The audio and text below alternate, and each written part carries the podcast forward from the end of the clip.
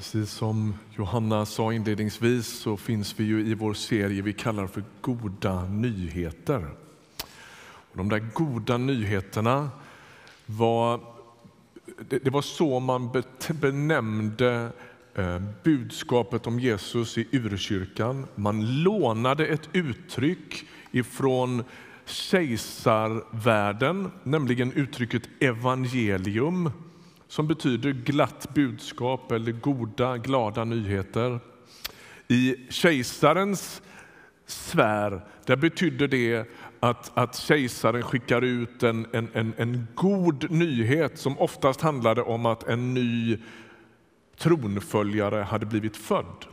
Och när man i urkyrkan liksom adopterar det uttrycket och gör det till sitt evangelium så har det just precis med det att göra. Att man tänker sig att när Jesus kommer så är det en ny tronföljare, en ny regent som har landstigit på jorden. Och man lägger massa saker i det som vi ska fundera över idag. Man kan fundera över det där varför de använder just ordet goda nyheter eller evangelium. De menar på fullaste allvar att budskapet om Jesus ehm, är avgörande för alla människor som bor i hela världen. Urkyrkan i början av vår tideräkning de får i uppdrag att berätta om den uppståndne Jesus i hela världen. Och så går de ut och förkunnar faktiska händelser. De förkunnar inte någon tanke om livet eller någon eh, eh, moral i första hand eller någon tes om vem Gud är, utan det de gör är att de predikar om historiska händelser. Gud kom till världen i Jesus Kristus. Så småningom förråds han, eh, skändas på mest brutala vis, korsfästs dör, begravs och uppstår från de döda. Och Det man åker runt och predikar, det är det. Att de sakerna har hänt och vad det spelar för roll för världen. Uppståndelsen, påstår urkyrkan, är inte bara ett i raden av alla mirakel runt Jesus. Det är den alldeles avgörande händelsen. Jesus lämnar graven. Och när han gör det, jag var inne på det förra söndagen, så gör han inte det som, la, som när Lazarus blir uppväckt från de döda eller när andra människor i Bibeln uppväcks från de döda. Nej, när Jesus uppstår så uppstår han inte till att återigen vara dödlig, till att återigen vara liksom märkt av ändlighet, utan han uppstår, säger Bibeln, för att aldrig mera kunna dö. Och det där betecknar liksom den stora, stora, det stora, stora skiftet i hela världens historia. Generation efter generation så tuffar det på och människor föds och dör och avlöser varann till Stunden när Jesus uppstår från de döda, då sker någonting som aldrig har hänt förut i världshistorien. Det är som om Gud liksom river ett hål i historien. Som om allt gör halt.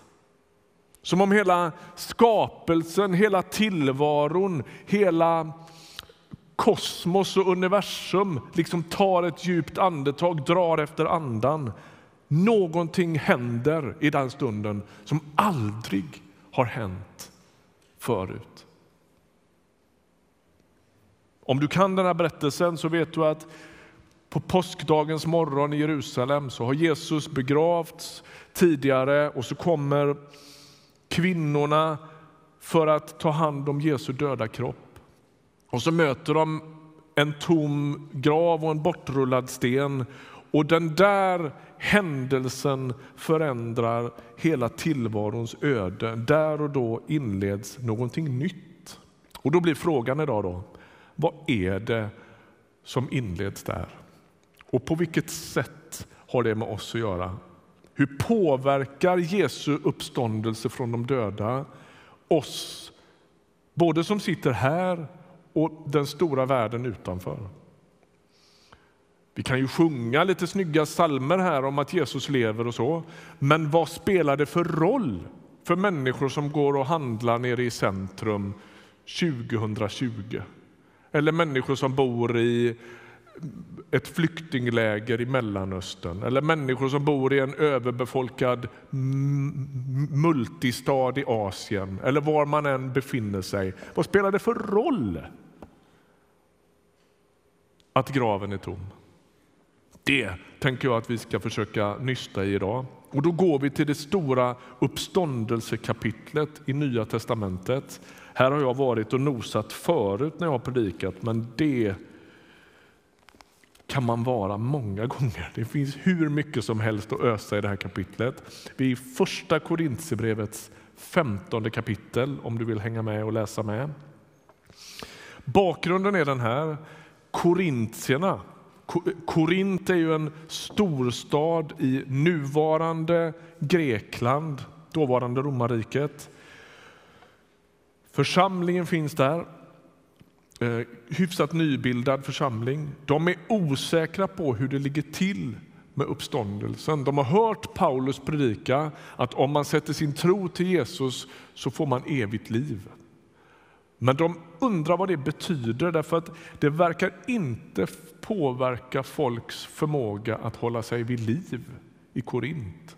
De har haft begravningar i församlingen och undrar hur var det med det där med evigt liv egentligen? Stämde inte det? Och då kommer vi in i texten. Vi är i kapitel 15 och läser från vers 16. Ty om inga döda uppstår har heller inte Kristus uppstått.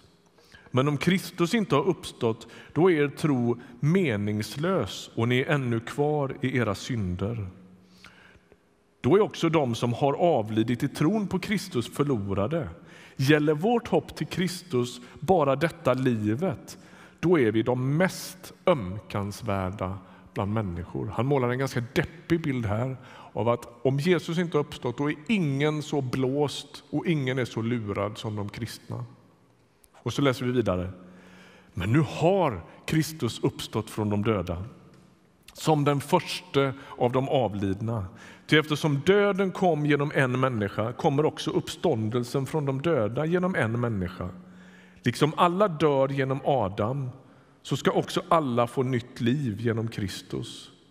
Men i tur och ordning Först Kristus och därefter vid hans ankomst de som tillhör honom.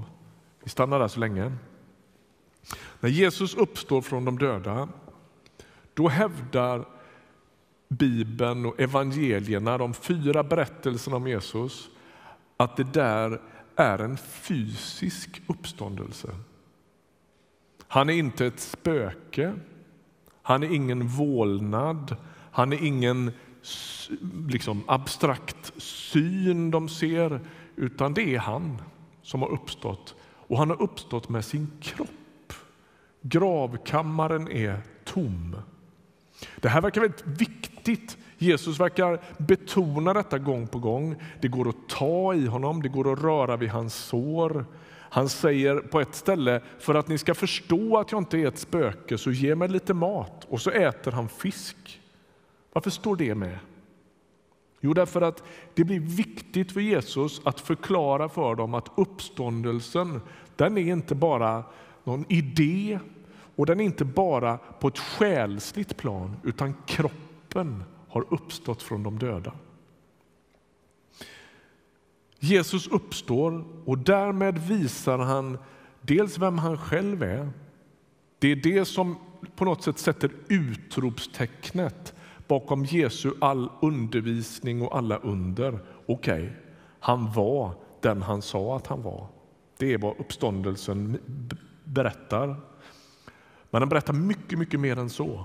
Den berättar också att vi får en slags garanti eller ett slags fäste för våra liv. De som tillhör honom ska uppstå på samma sätt som han uppstod. Hur går det till när Jesus uppstår? Ja, det finns ju frågetecken naturligtvis. Det är jag med på också. Men några saker kan vi lista ut av de här texterna. Å ena sidan är Jesus vanlig och mänsklig. Eller en människa. Men det är också inslag av något annat. Där finns något mystiskt och förvandlat. När Jesus uppstår från de döda så gör han det med en kropp vars like ingen någonsin tidigare har sett. Världen har aldrig skådat något liknande och himlen har aldrig skådat något liknande. Det som sker är helt unikt. Å ena sidan är Jesu kropp mänsklig. Han är synlig. Han har sår kvar. Någon misstar honom för att vara trädgårdsmästaren. Emmausvandrarna de tror att han är någon, vem som helst. Så det finns någonting i det där som är vanligt. Och samtidigt finns det någonting som är helt annorlunda. Han går genom låsta dörrar. Han verkar kunna förändra sig till oigenkännlighet. Och inte minst, till sist stiger han upp till himlen eller passerar den tunna hinna som i judisk tankevärld separerar Guds osynliga värld från vår synliga värld. Det är som att Jesus liksom kliver in i det osynliga. Vem är han då? Jag sa förra söndagen att Jesus sitter på Faderns högra sida med såren i behåll. För första gången någonsin finns det en människa i himlen. Det är ingen vanlig människa. Det är den uppståndne Jesus som finns där. Vi kommer tillbaka till varför det är viktigt. Nu ska vi läsa vidare och nu är vi i samma kapitel och vi ansluter i vers 35 nu. Nu undrar någon, hur uppstår de döda? Hurdan kropp har de när de kommer? Vilken enfaldig fråga. Det du sår får inte liv om det inte dör. Och när du sår är det inte den blivande växten du sår utan ett naket sädeskorn eller något annat frö. Men Gud ger det den gestalt han har bestämt och varje frö får sin egen gestalt. Och så läser vi från vers 42. Så är det också med de dödas uppståndelse. Det som blir sått förgängligt uppstår oförgängligt. Det som blir sått föraktat uppstår i härlighet. Det som blir sått svagt uppstår fullt av kraft. Det som blir sått som en kropp med fysiskt liv uppstår som en kropp med ande. Finns det en kropp med fysiskt liv så finns det också en med ande. Och så står det skrivet, den första människan Adam blev en varelse med liv men den sista Adam blev en ande som ger liv. Det andliga kommer alltså inte först, utan det fysiska. Därefter kommer det andliga. Den första människan kom från jorden och var jord. Den andra människan kom från himlen.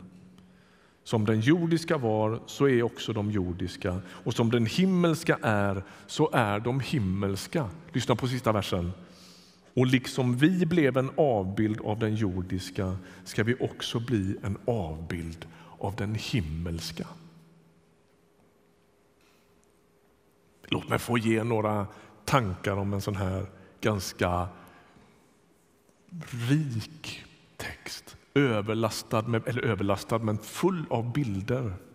För det första måste jag få säga att så sent som i förrgår så stod kistan här med Bengt Vinell i.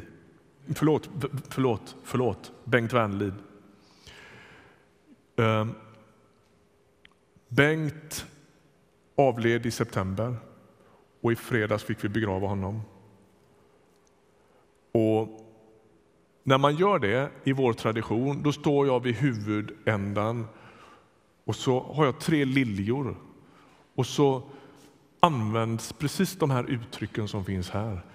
Det som de finns med här i vers 42. Det som blir sått förgängligt uppstår oförgängligt. Det som blir sått föraktat uppstår i härlighet. Det som blir sått svagt uppstår fullt av kraft.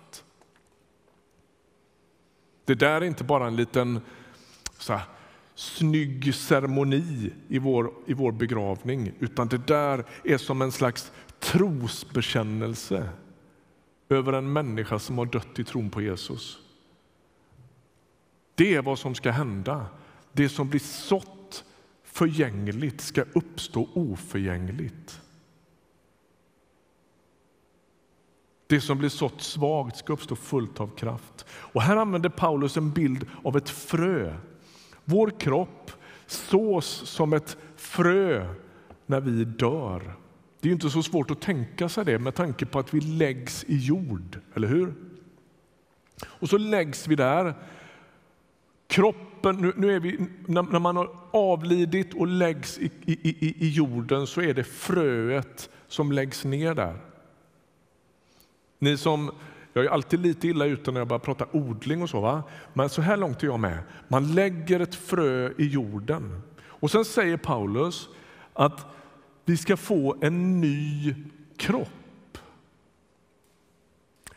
I ett judiskt tänkande, Paulus innan han har kommit till tro på Jesus, han skulle hävda ja visst, det finns absolut en uppståndelse. Vi ska uppstå för att bli precis som vi var förut. Grekerna de skulle hävda Nej, men alltså kroppen har vi ingen nytta av i evigheten. Då är det bara själen som gäller. Det är det enda som är odödligt. Är ni med? Judarna säger ja, men visst, vi uppstår, men precis till samma liv som innan. Grekerna säger nej, det finns en evighet, men den har bara med själen att göra, inte med skapelsen och inte med kroppen. Vad säger kristen tro? Inget av de två. Utan Paulus hävdar kroppen uppstår till härlighet. Den kommer att övertrumfa den gamla kroppen på samma sätt som trädet övertrumfar fröet. Är ni med? Alltså, det finns ju släktskap mellan fröet och trädet, eller hur? Det spelar ju roll vilket frö man lägger i jorden. Och det där fröet bär på, bär på hemligheten om vad som ska ske sen när det blir ett träd. Och här säger Paulus, när människan läggs i jorden så är det som det där fröet som en dag ska uppstå till ett förvandlat liv, ett nytt liv, en ny kropp. Och grejen är den här. Var med nu. Detsamma gäller hela skapelsen. När vi tänker, håller det inte på att skita sig fullständigt med världen och skapelsen? Världshaven, regnskogarna och allt det där. Så är Nya testamentets budskap, nej det gör det inte. Allt ska skapas om. Allt ska födas på nytt och världen ska bli ny. Ett av mina absoluta favoritcitat som har med det här att göra, det har jag använt många gånger här i kyrkan, men jag gör gärna det igen för det är något av det vassaste jag har läst i det här ämnet. Teologen N.T. Wright, en engelsk teolog, han säger så här. De urkristna trodde med påskdagen i ryggen att Gud skulle göra för hela kosmos vad han på påskdagens morgon gjorde med Jesus. Är ni med? Han reser Jesus upp från de döda och när Jesus är uppstånden från de döda så är han inte det på samma sätt som Lazarus som uppstår till ett ändligt dödligt liv utan han är uppstånden till en ny skapelse. Där och då inleds Guds nya skapelse. Än så länge omfattar den bara honom. Men så småningom ska den omfatta hela världen, hela kosmos. Och hoppet för en kristen det är därför inte bara någon slags allmän optimism eller önskedrömmar om att allt ska lösa sig utan en slags visshet. Ett tillstånd där allt är möjligt, inget är slutgiltigt och en ny skapelse kan inträffa. Så påskdagens budskap är det här. Om de mäktiga, kejsaren, kung Herodes, alla imperier i världshistorien har använt döden som det vassaste vapnet. Och det vapnet nu, genom Jesu död och uppståndelse, har vridits ur deras händer. Och Jesus har tagit spetsen på det vapnet och brutit av den. Då gäller det att binda sitt liv vid honom som har gjort det.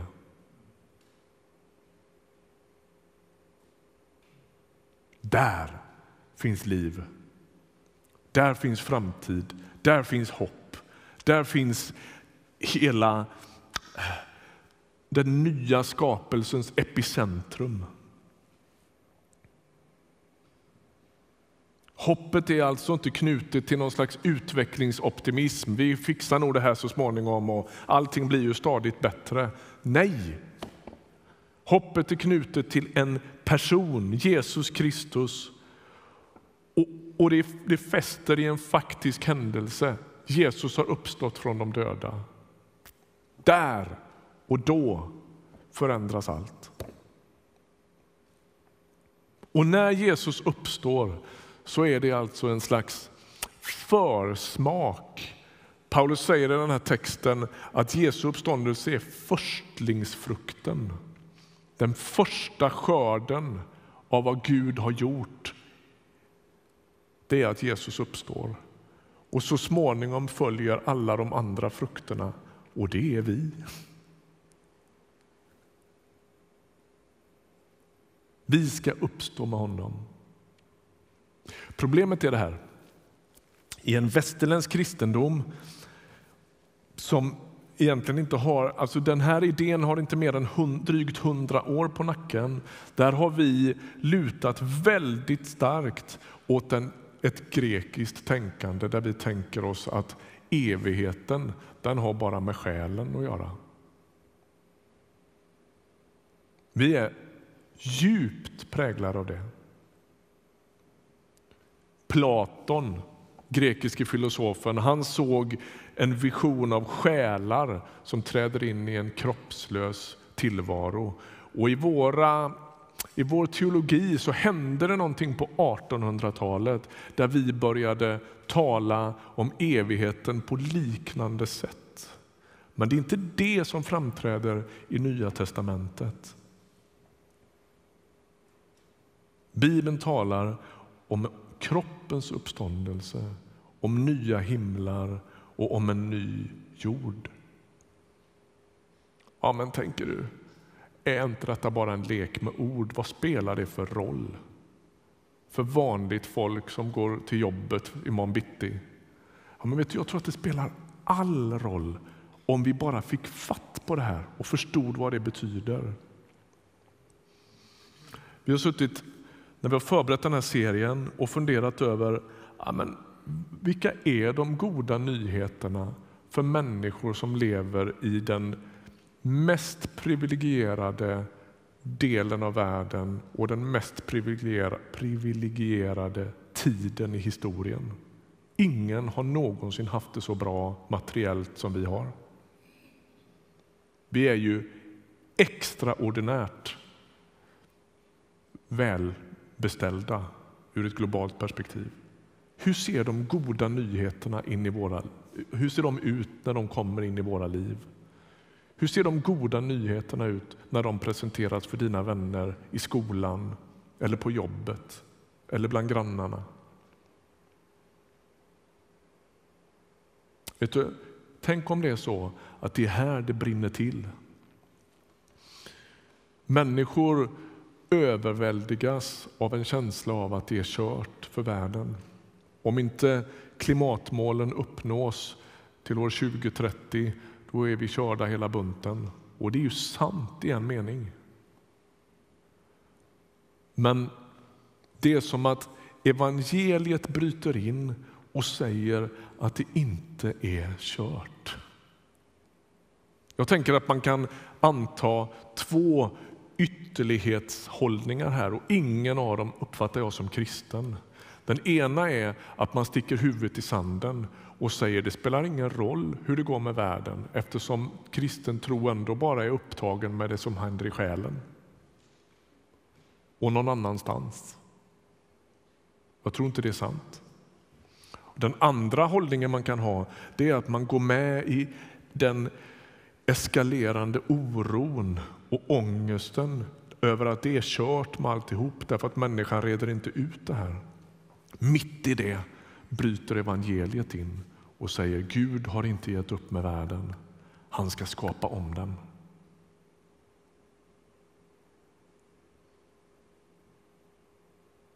Alla som ber låt ditt rike komma måste bekymra sig över att det är mer plast i havet än fisk.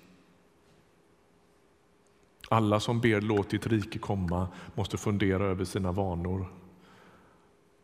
Därför att med Guds rike kommer en förnyad skapelse, men det börjar ju här och nu. Vi gör vad vi kan för att utbreda det riket, för att sätta Guds närvaro på det rike som kommer så småningom. Detta, säger Hebreerbrevet, detta hopp är vår själs ankare. Jag tycker det är så tjusigt uttryckt.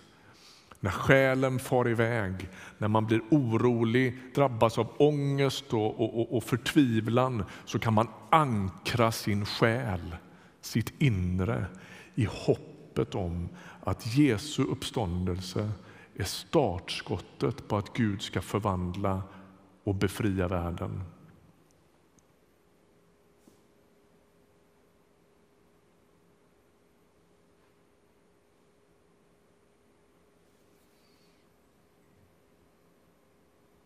Vad får det här för konsekvenser avslutningsvis? Å ena sidan behöver vi vara nyktra i förhållande till den här världen. Den är hopplöst bristfällig. Vi är inte utvecklingsoptimister som tror att allt stadigt ska bli bättre av sig självt. Å andra sidan, du behöver inte förlora modet. Jesu uppståndelse från de döda ger en hint en antydan om vad som är på gång. Det är som att Gud säger som Sickan Jönssonligan, jag har en plan. Han är på gång att förändra världen. Om du ska komma ihåg en enda mening från dagens predikan så kommer den nu. Är du med? Världen går inte mot sin undergång utan mot sin befrielse. Så säger jag det igen. Världen går inte mot sin undergång utan mot sin befrielse. Dödens makt är bruten. En dag ska allt helas. Och då undrar jag, vem förutom du själv i din närhet, riden av ångest, oro för klimatförändringar och larmrapporter behöver höra det? Gud har inte gett upp med världen. Våga lita på Guds hopp.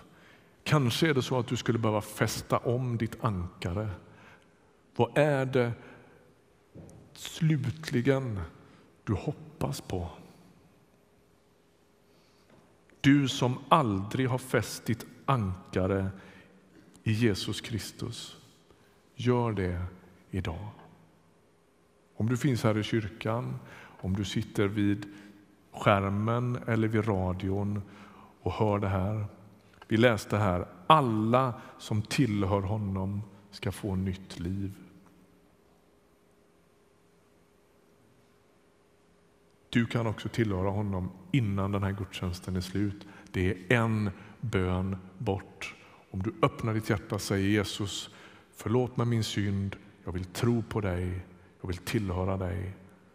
Så tar han den bönen på djupaste allvar. Amen. Vi ber tillsammans. Tack Herre för att du är här, för att du rör vid våra liv.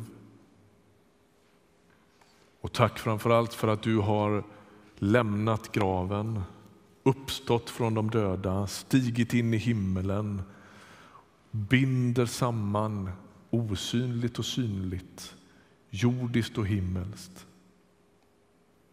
mänskligt och gudomligt. Tack för din sinnrika plan. Tack för att du inte har gett upp med världen. Tack att den ska förvandlas i ett enda nu. I Jesu Kristi namn.